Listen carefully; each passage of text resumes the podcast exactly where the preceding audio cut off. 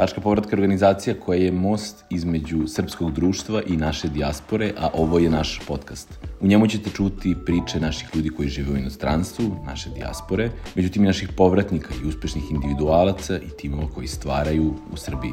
Naša današnja gošća je Jelena Perić, neko ko živi na relaciji između Nemačke i Srbije. Dugi niz godina je u Nemačkoj, međutim sve češće dolazi u Srbiju, a u Nemačkoj ona je pedijatrijska sestra, tamo radi sa svojim timom, dve, tri nedelje mesečno je tamo vrlo angažovana, a nakon toga dolazi u Srbiju da bi prenela ovde svoje znanje. Ona, kako kaže sama, kako je rekla u podcastu, ima dve zajednice, dva stana, dva života praktično i pravi je primer nekoga ko je uspeo da napravi svoj život da bude kompletiran iz te neke dve celine. Ja i moje kolege smo vrlo uživali u ovom podcastu, nadam se da ćete i vi, jer ima puno informacija, iskustava, znanja, a vidjet ćete Jelena je puno energije, stalno se nešto smeje i vrlo je pozitivna, tako da jedno stvarno uživanje razgovarati sa njom, a nadam se da će vam biti slušanje ovog podcasta. Jelena, dobrodošla. Hvala, bolje te našla. Ovaj, I pre samog snimanja pričali smo ti, ka, dosta, ti si veliki fan naših podcasta, ako, ako tako mogu je. tako da kažem, i to je nekako, jako mi je drago zbog toga, stvarno nekako, kroz to što si ti meni rekla pre, pre samog snimanja, u stvari nekako dobiješ tu neku validaciju da je, da je ono što radiš može drugim ljudima da bude vredno, tako da mi je baš drago i hvala ti na tome.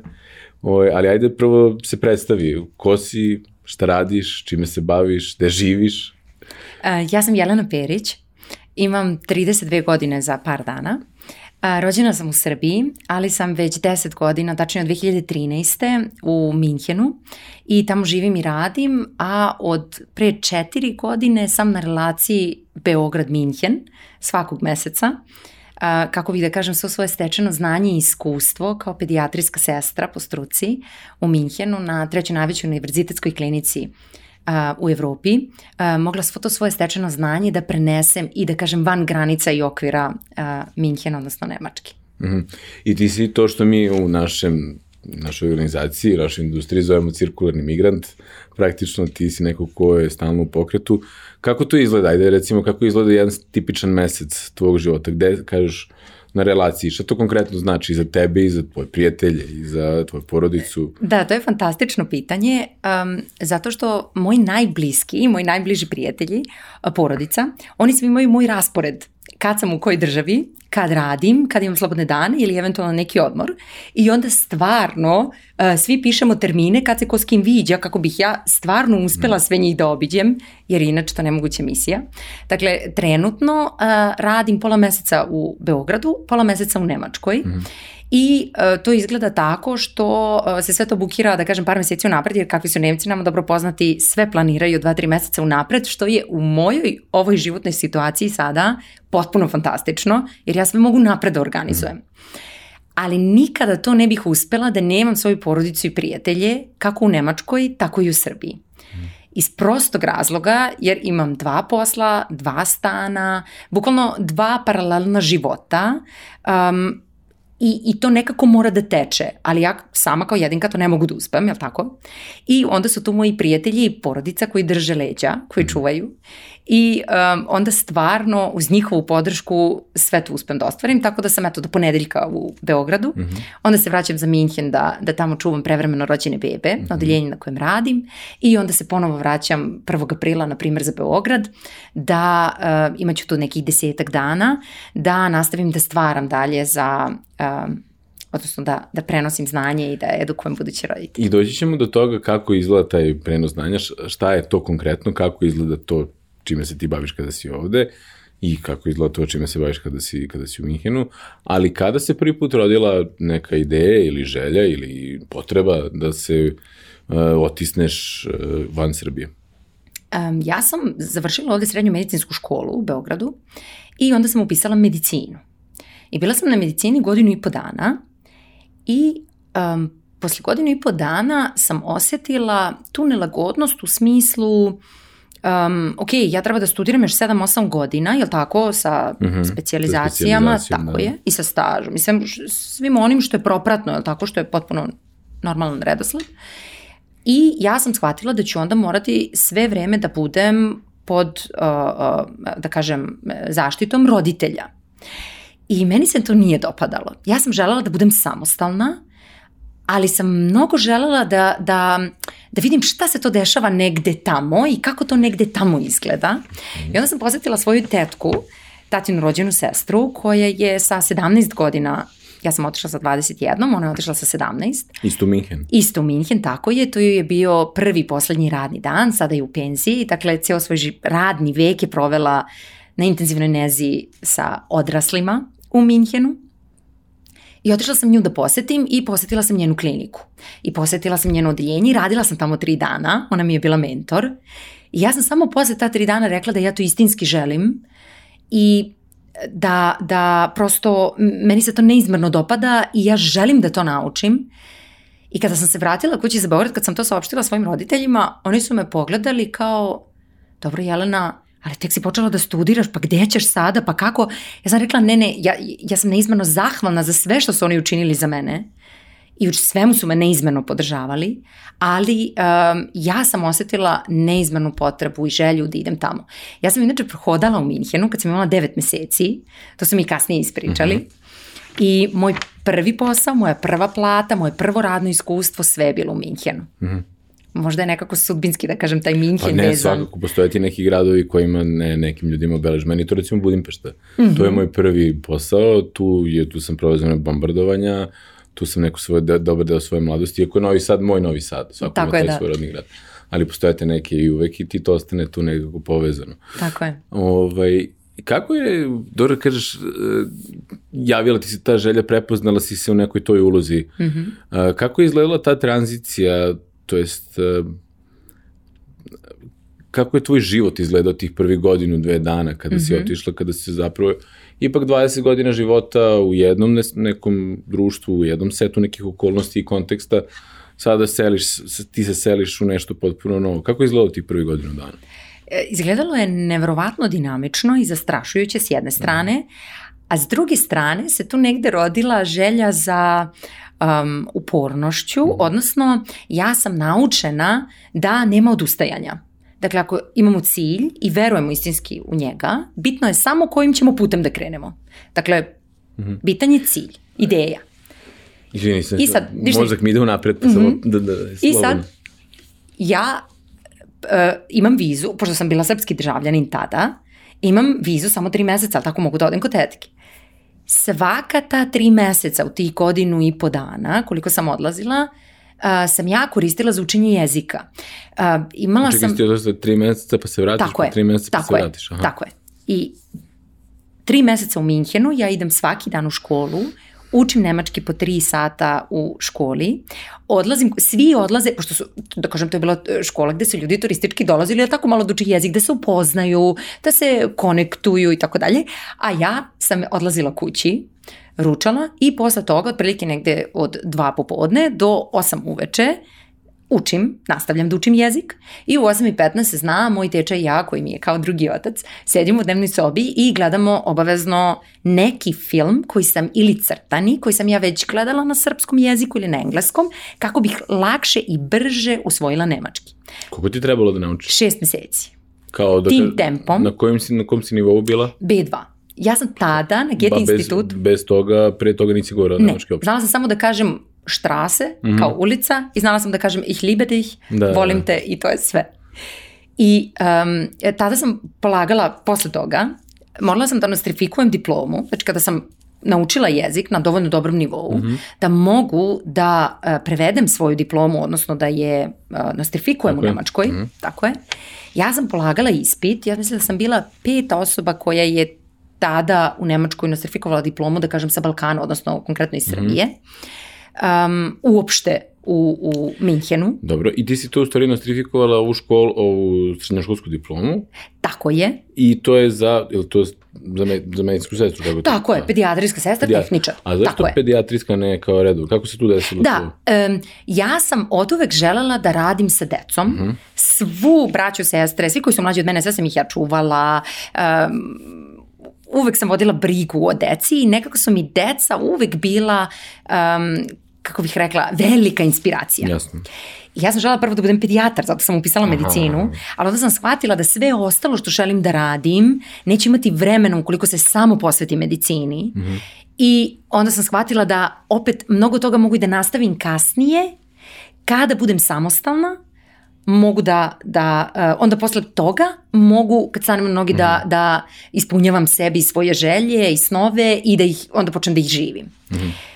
I u kom trenutku ti dolaziš do toga da si sada to što si želela, samostalna, samo svoje radiš to što, što, što želiš, imaš neki uspostavljen balans u životu. Mhm. Kada se to dešava u, u tvom životu? Nakon, uh, znači 2020. to počinje, a sada mogu da kažem da već to uh, dobija svoju formu. Dakle, trebalo mi je 8-9 godina da, da, da kažem da sve dođe na svoje mesto, zato što su me prvo izbacili iz ambasade, nisu mi dali vizu. Što?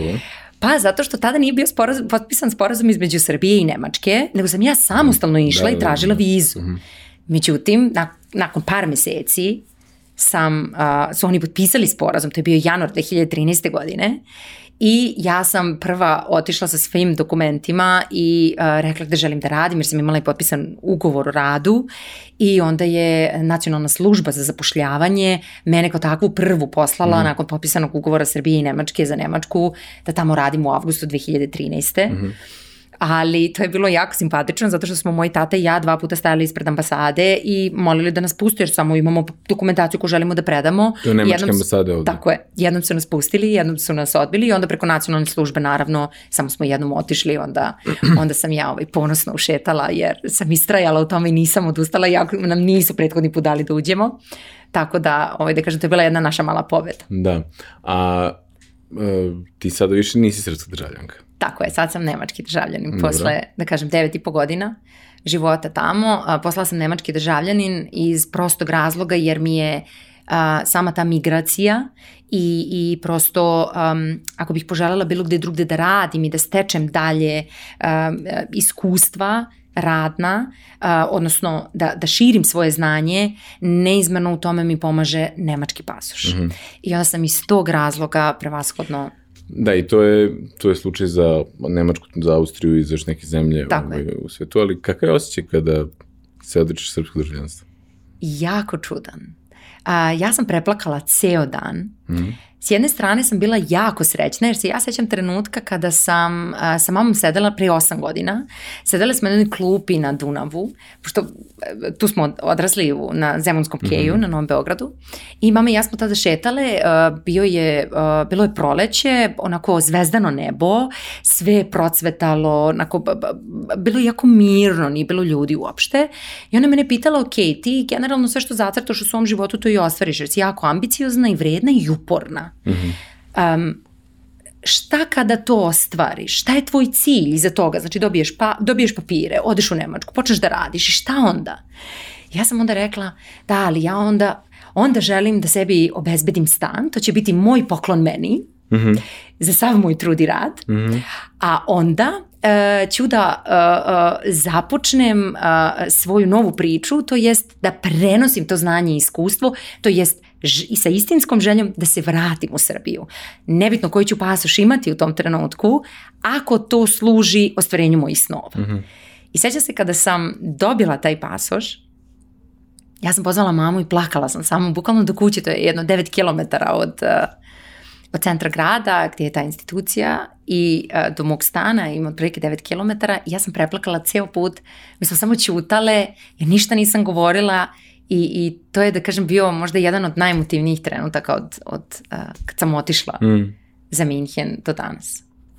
Mnogo ljudi koji su, su kao ti, mislim iz vrlo praktičnih i racionalnih razloga odlučili se za druga državljanstva, ono što je meni stvarno zadovoljstvo što mogu sad da kažem, mislim da nismo čak ni na ovom podcastu pričali o tome, ali mi intenzivno radimo o tome da, da omogućimo ljudima upravo kao što si ti, da imaju ono, osnov za prebivalište, čak i ako ne žele da se odreknu sada po- ponovo nemačkog državljanstva zarad srpskog, nego da postoje, da imaju e, način kako da mogu da regulišu svoj boravak ovde. To će se zvati karta Serbika, trebalo bi vrlo brzo zapravo da bude u primjeni, tu nam jako puno radimo sa Ministarstvom unutrašnjih poslova i sa generalnim sekretarijatom vlade da napravimo konkretno to nešto, mi to zovemo karta Serbika, to je prvo bilo radni naziv, ali izgleda će tako i ostati u, u punom, punom imenu, jer je to nekako spojeno nekoliko programa u jednom. E, osnova je jedan program Karta Polaka, to je taj poljski jedan sistem, odatle i Karta Serbika je kao radno ime postalo nekako da je tu, ali smo još neke prime se stavili uz to nešto smo pri, prekrojili tako da nam odgovara. U svakom slučaju svako ko je recimo tako kao ti i želi da bude ovde, na primjer, šest meseci godišnje u kontinuitetu, ne bi imao u principu pravo, zato što je u očima zakona strani državljanin. Ali ako možeš da dokažeš srpsko poreklo, četiri kolena unazad, i to nema veze da si rođena, da li je to Srbija, da li je to Republika Srpska, da li je to neki, ovaj, neki treće koleno, uh, rođena si u Južnoj Africi, nema Jasne. veze imaš pravo na, ovaj, na, na, na privremeni boravak godinu dana i možeš kontinuirano da ga obnavljaš. Tako da to je nešto što mislim da će pomoći našim ljudima, pogotovo koji se iz Nemačke, na primjer, vraćaju sa penzijama. Tako je, tako je, toga je sve više. Toga je sve, I mislim. samo jedan uh, tip, uh, ja sam uzela, uh, mislim, za sve ljude koji bi se odrekli, nemojte se odricati, samo tražite otpust. Mm. Jer to je kao neka blaža forma i onda posle toga vrlo lako možemo kada se ostvari mm. ta mogućnost da povratimo srpsko državljanstvo. Mm. Jer mislim da postoji uh, neka nelagodna situacija ako se traži, uh, uh, ako se odreknemo. Po, da, da, onda Tako daš ponovo, da. Jeste, i, i to recimo Turci znam da imaju tu neku foru ti kada se e, odrećeš svog državljanstva turskog zarad nemačkog, pošto ni oni nemaju prava na dvojno, onda imaš mesec dana da se pokaješ. I onda se oni ono odreknu pa se pokaju i onda imaju oba nelegalno ovaj, ali ne postoji povezan sistema, pa im još uvijek prolazi za ruku. Tako da, da, tako su meni ljudi zvali i smijali smo se uh, prvih par dana, onda sam rekla kasnije, više mi nije smiješno. Uh, jesi odlučila da se kaješ, hoćeš da se pokaješ? Da. Tako da to je... I koliko dugo već imaš samo nemačko državljanstvo? E, skoro godinu dana. Skoro godinu dana.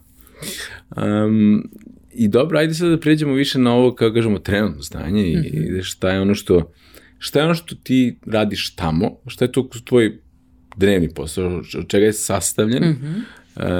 a, a kako to prenosiš znanje ovde? Ajde da počnemo na primjer od tamo. Mm -hmm. Šta je, kako izgleda tvoj da, radni dan?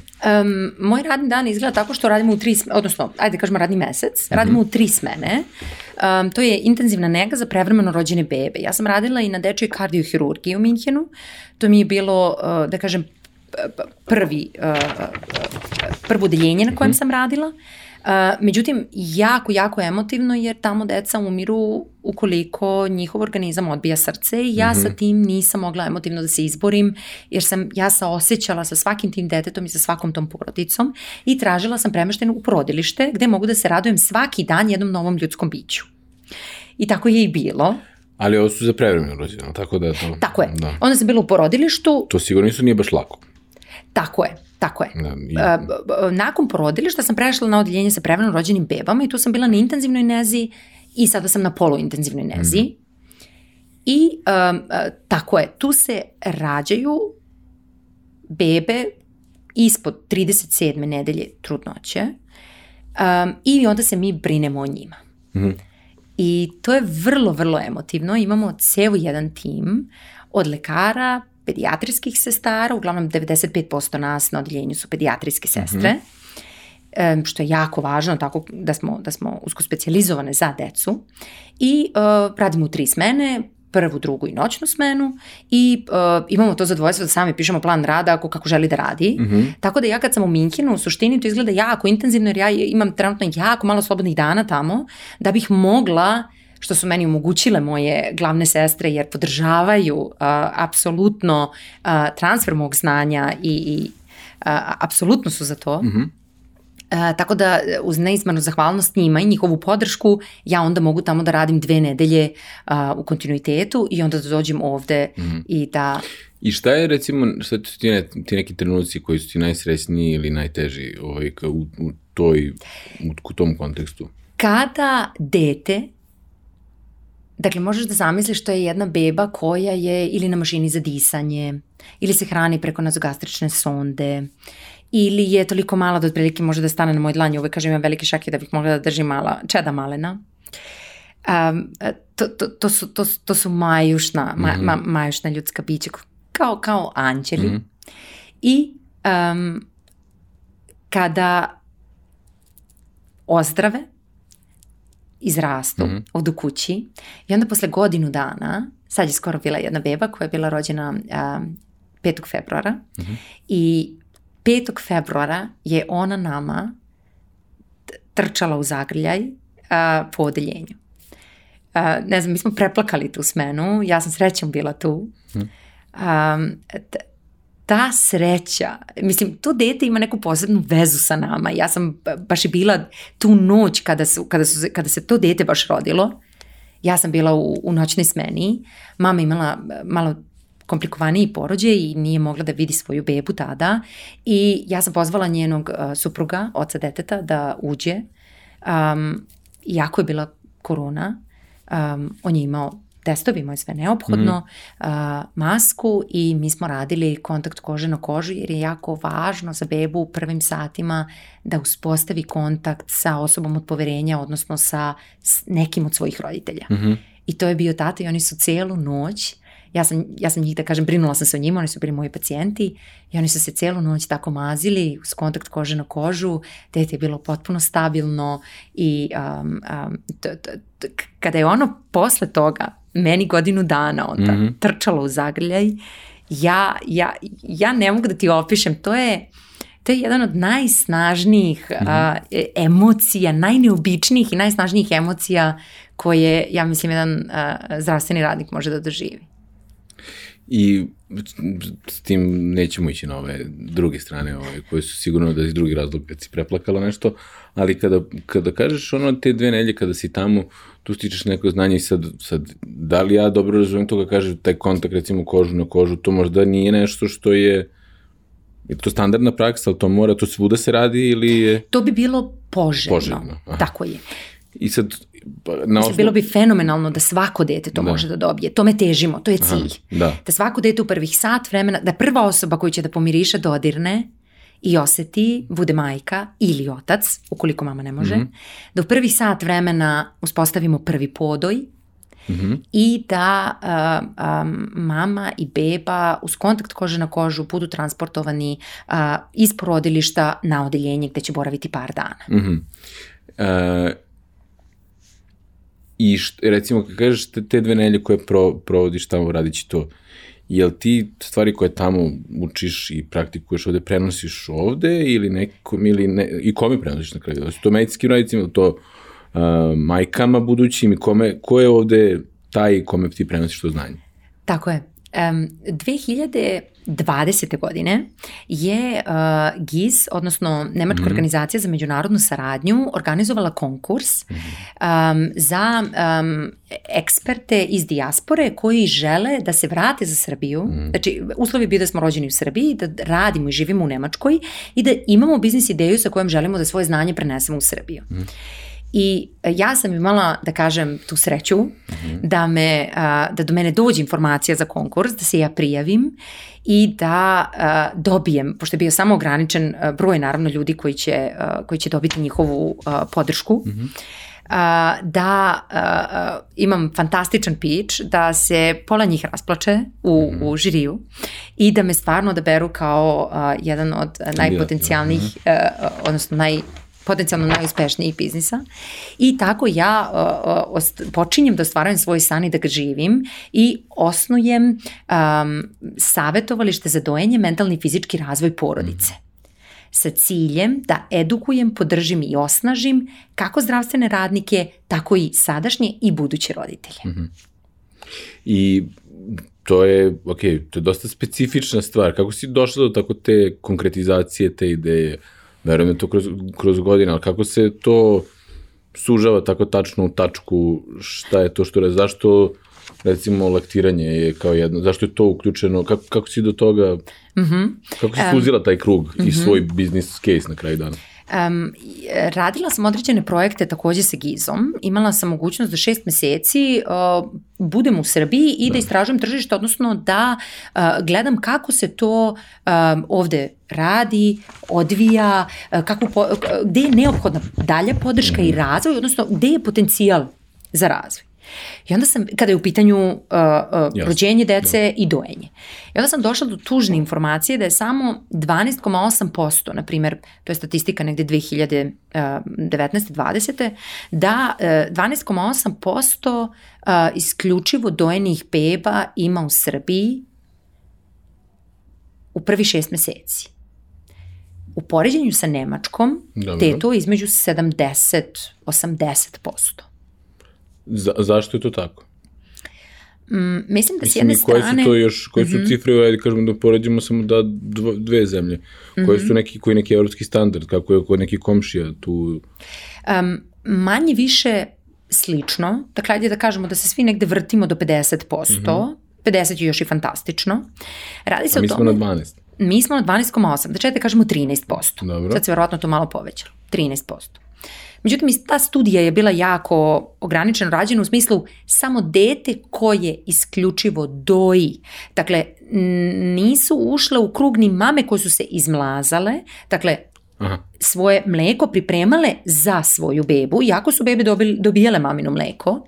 Tako da kažem, ajde da je verovatno malo veći procenat sigurno, ali da kažem i da su susedi uh, tu negde ovaj, u mrtvoj trci s nama. Uh, radi se o tome što uh, u Nemačkoj, na primjer, evo čist, jedno, jedno ovako simbolično poređenje kako bismo to nekako pipljivo napravili, mi na odeljenju neonatologije imamo e, desetak, i u porodilištu, imamo desetak specijalista za dojenje.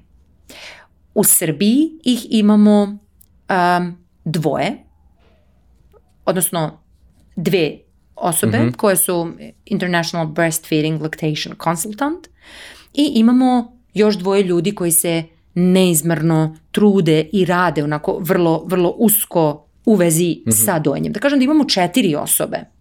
Ja bih tu negde bila peta. dobro, u celoj zemlji. Tako je. Za nešto što je, verujem ja, siguran sam verujući ti, užasno bitno za razvoj deteta. Tako je. Neizmerno važno. Dobro, a zašto je ovo, zašto je dojenje toliko, toliko važno? Evo, na primjer, da, samo ćemo nabrojati par uh, prednosti za mamu i par za dete. Dobro. Mama ima, kada doji, smanjena mogućnost da dobije diabetes, da oboli od insulinske rezistencije ili da, ukoliko to ima, da se dojenjem to izniveliše. Smanjuje se mogućnost da dobije karcinom dojki, jednjaka, štitne žlezde, um, postporođajne depresije, Dobro. sa druge strane za dete da oboli smanjuje se opet mogućnost da oboli od respiratornih infekcija, upale srednjeg uha, da kažemo do hro, hroničnih nekih bolesti, jel tako? Mhm. Smanjena mogućnost alergija, smanjena mogućnost a, da obole od šećernih bolesti. Dakle, to je neizmerno mnogo prednosti. Pritom, kontakt kože na kožu, koje, de, zamisli ovako, ti devet meseci si u jednoj potpuno izolovanoj, sterilnoj, zaštićenoj sredini i ti se rađaš i imaš prostora koji uopšte ti nije opipljiv. Mm -hmm. Dakle, ti vidiš otprilike kao sen 25 cm od svojih očiju, to je udaljenost kao mame i deteta njihovih očiju kada beba doji. Mm. Dakle, ti ležiš sam negde na nekom krevetu, potpuno napušten, to je tvoj doživljaj, ne osjećaš srce mame, ne osjećaš uh, disanje njeno, ne osjećaš njen šum, njen dodir, njen miris, njenu kožu kao ni oca ili partnera, partnerke i ti si u tom trenutku izgubljen u prostoru i vremenu. I šta radiš? Samo plačeš i zoveš u pomoć jer ti treba sigurnost. Mm -hmm.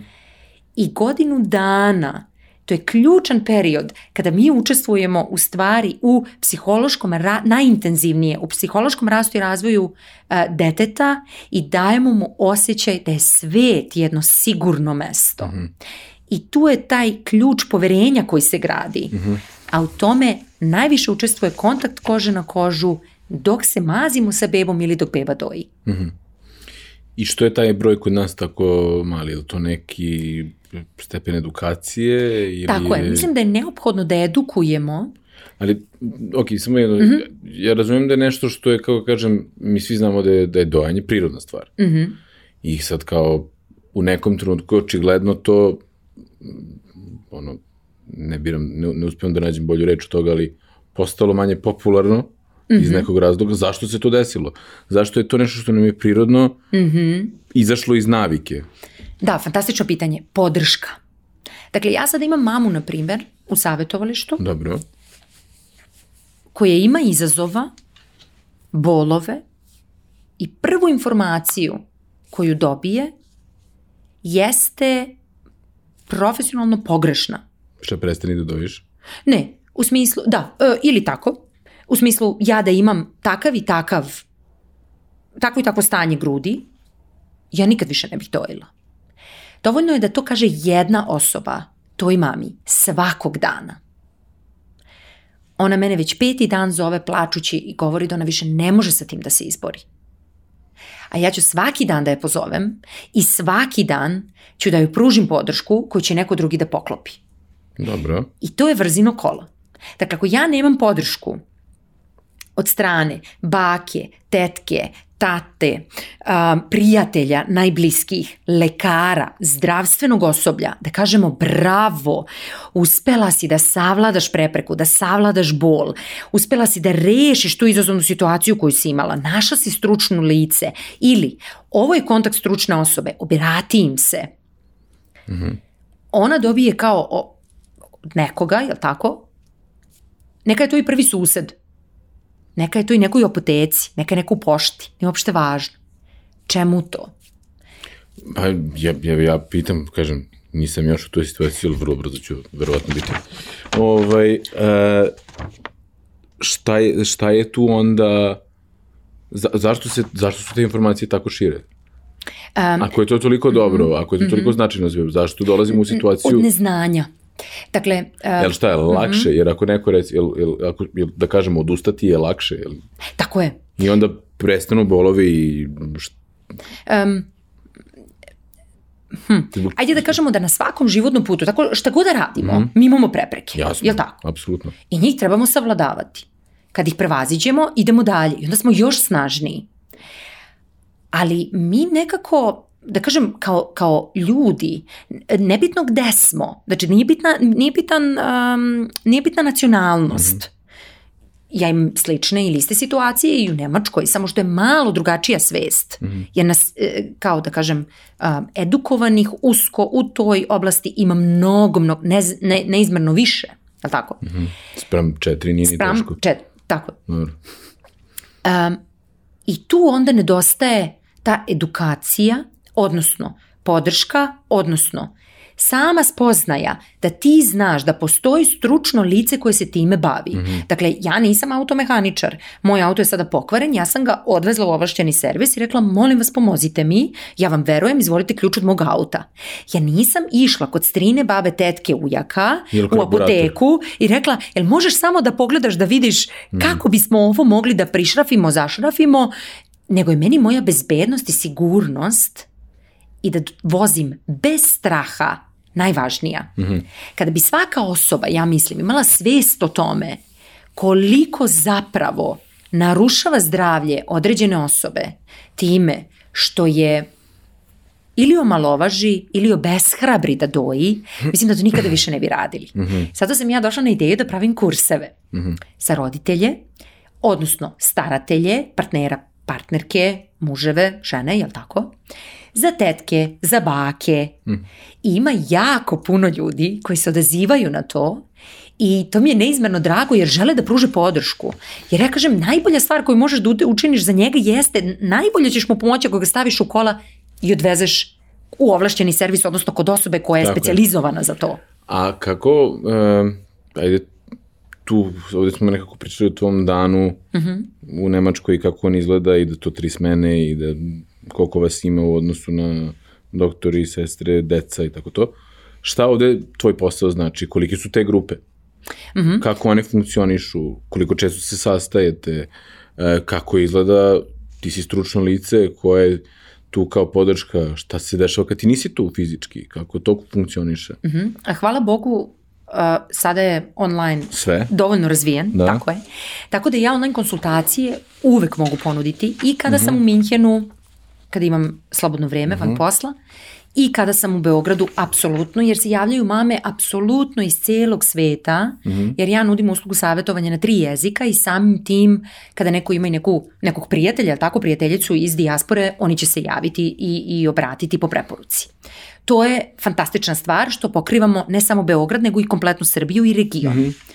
S druge strane, imamo, da kažem, to je prvenstveno online savjetovalište i imamo mogućnost kućnih poseta, što znači da kad se mama porodi i želi da dobije adekvatnu podršku nakon toga, ona mene može kontaktirati, odnosno preko mog sajta može zakazati sve, e, e, bilo koji vid konsultacije, da li je to online ili live u kućnoj poseti, ili je to online grupa za dojenje, koja je prvenstveno podrška i prevazilaženje, osnaživanje roditelja da prevaziđu taj neki izazov u kojem se trenutno nalaze, jer ti to dođeš i vidiš desetak mama koje kažu ja sam to imala, prošlo je.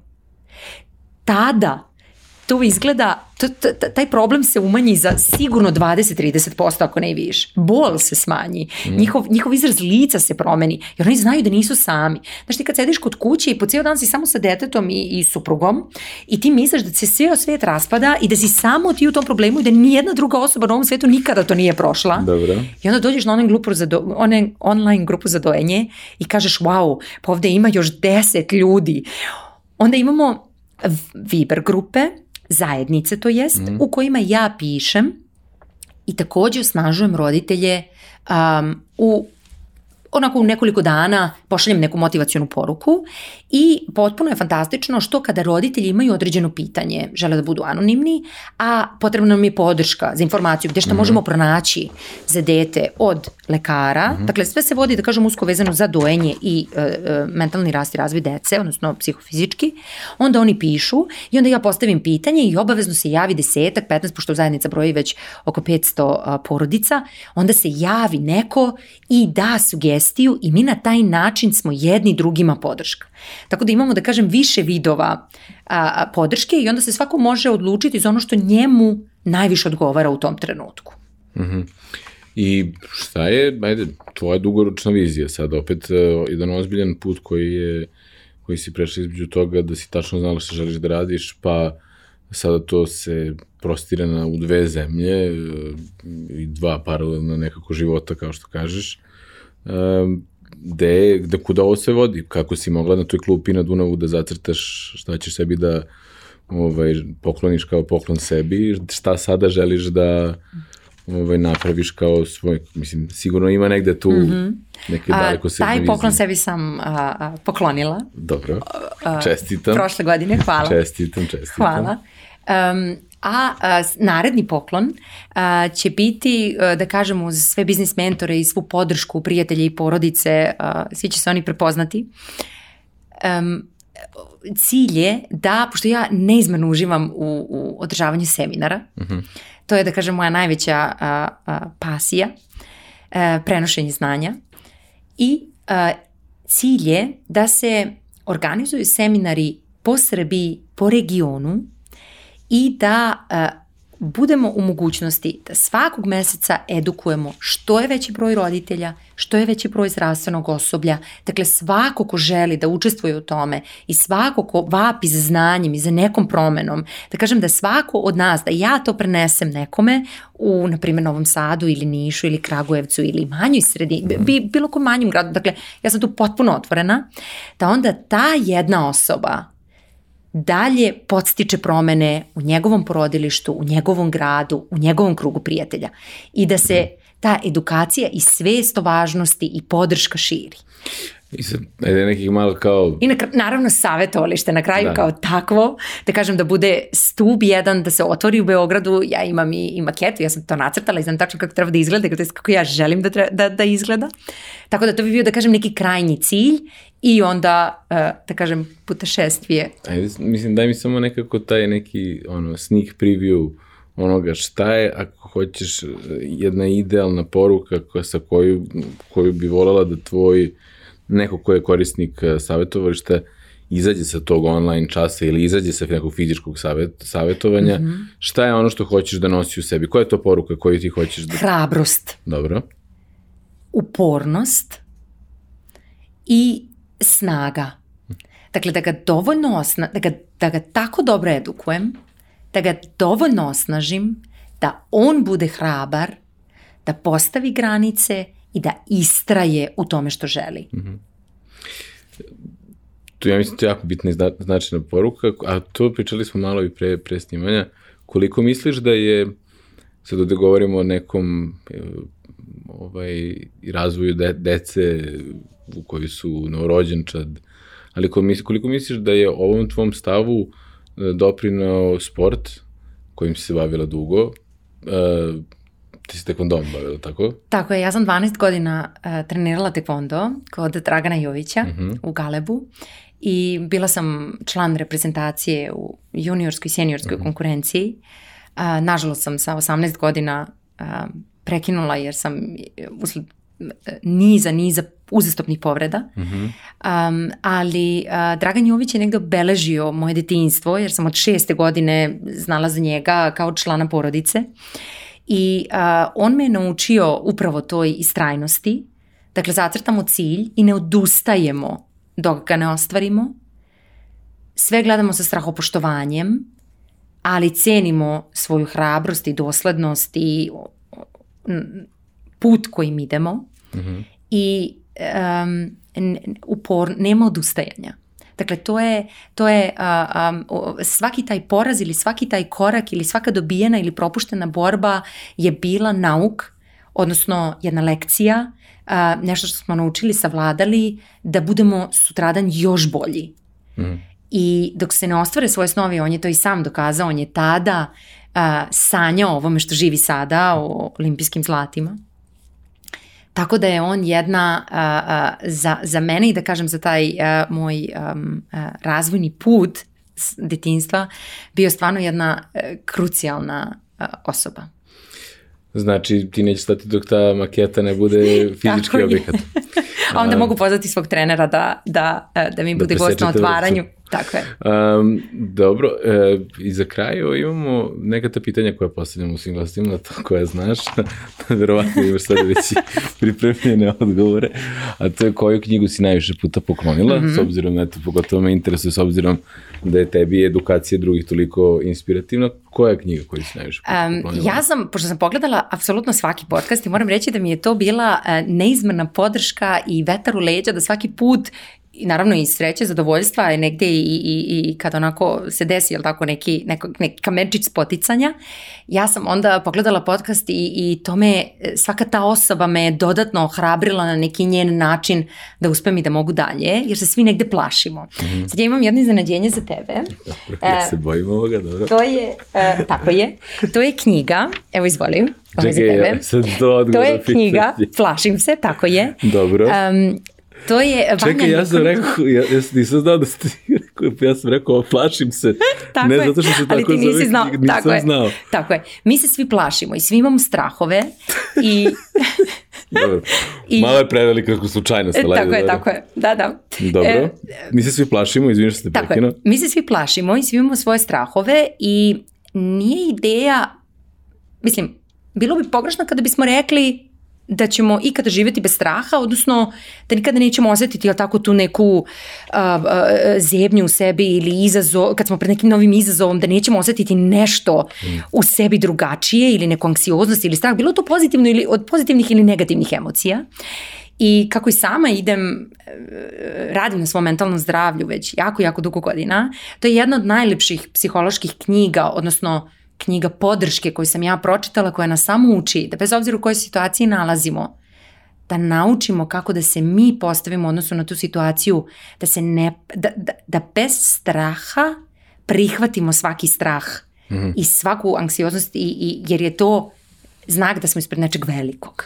Da, ja recimo to čisto kada razgovaram, ovaj, nešto, baš se sećam da sam nekoliko puta to, pogotovo nešto razgovorim sa svojom devojkom, pa kad nešto pričamo o nekim kada uđemo dublje u neki razgovor, to je ono kao šta je najveći strah, strah od straha, u stvari, ovaj, jer je. na kraju te to parališe hiljadu puta kada dođeš u situaciju koja se toliko bojao se rasprši se ono, ta iluzija o tome da to bilo nešto toliko nesavladivo ili strašno.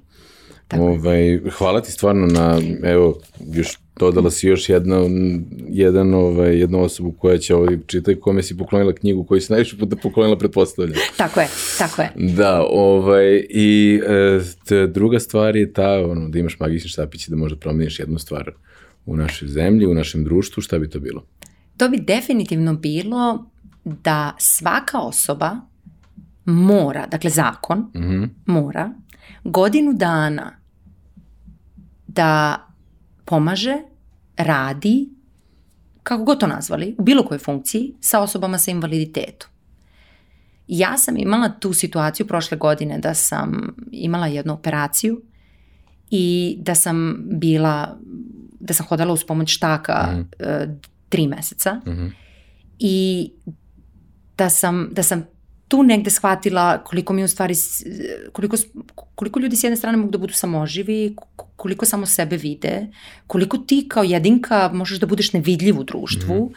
i, i da je jako malo svesti ljudi o tome koliko si ti u stvari ograničen u nekim najosnovnijim stvarima kao što je ne mogu da izađem na bilo koje mesto jer ne mogu da do, do, doprem do WC šolje, na primjer. Ili ne mogu da, da, da prođem kroz vrata neka. Ili ne mogu mm. da, se, da se spustim iz neke stepenice, nema rampe ili šta god. I u Nemačkoj postoji jedna fantastična stvar, a to je da u, u, u, postoji organizacija koja ti daje mogućnost da se prijaviš i kažeš ja sam student i uh, uh, u ras, kada je raspust, ja imam mogućnost da želim da 7 do 10 dana pratim osobu sa invaliditetom na nekoj njegovoj ekskurziji, akciji, moru, letovanju, zimovanju, šta god to bio, šta god da ta osoba želi da radi. Ti si joj podrška 7 ili 10 dana, putuješ s njom, to ti je naravno plaćeno, zato dobiš džparac i ti se brineš o toj osobi. Dakle, svest, da probudimo svest o tome da, da je svakom od nas, da je normalno i da se plašimo i da nam treba podrška i da, da je neizmerno važno da smo da je svakom od nas bitno da, da nas neko doživi, da nas vidi. Mm -hmm. Ajde, neka na tome onda završimo. Ovaj, hvala ti puno što si, što si bila naš gost. E, želim ti puno sreće stvarno u ispunjenju tih snova i građenju tih maketa. Um, I hvala ti stvarno na knjizi. Uh, I siguran sam da, da ćeš ti inspirisati i ljude koji razmišljaju o odlasku, koji razmišljaju o povratku, i da će neko kroz baš razgovor, ovaj, naš razgovor sa tobom, uh, pronaći neku motivaciju, inspiraciju da izgura kada bude teško i kad se bude bojao. Tako da stvarno hvala ti, hvala ti na svemu stvarno. Hvala i vama, zadovoljstvo je moje i beskreno vam hvala na svoj podršci koju nama pružate, jer nama to stvarno neizmano mnogo znači. Naše zadovoljstvo.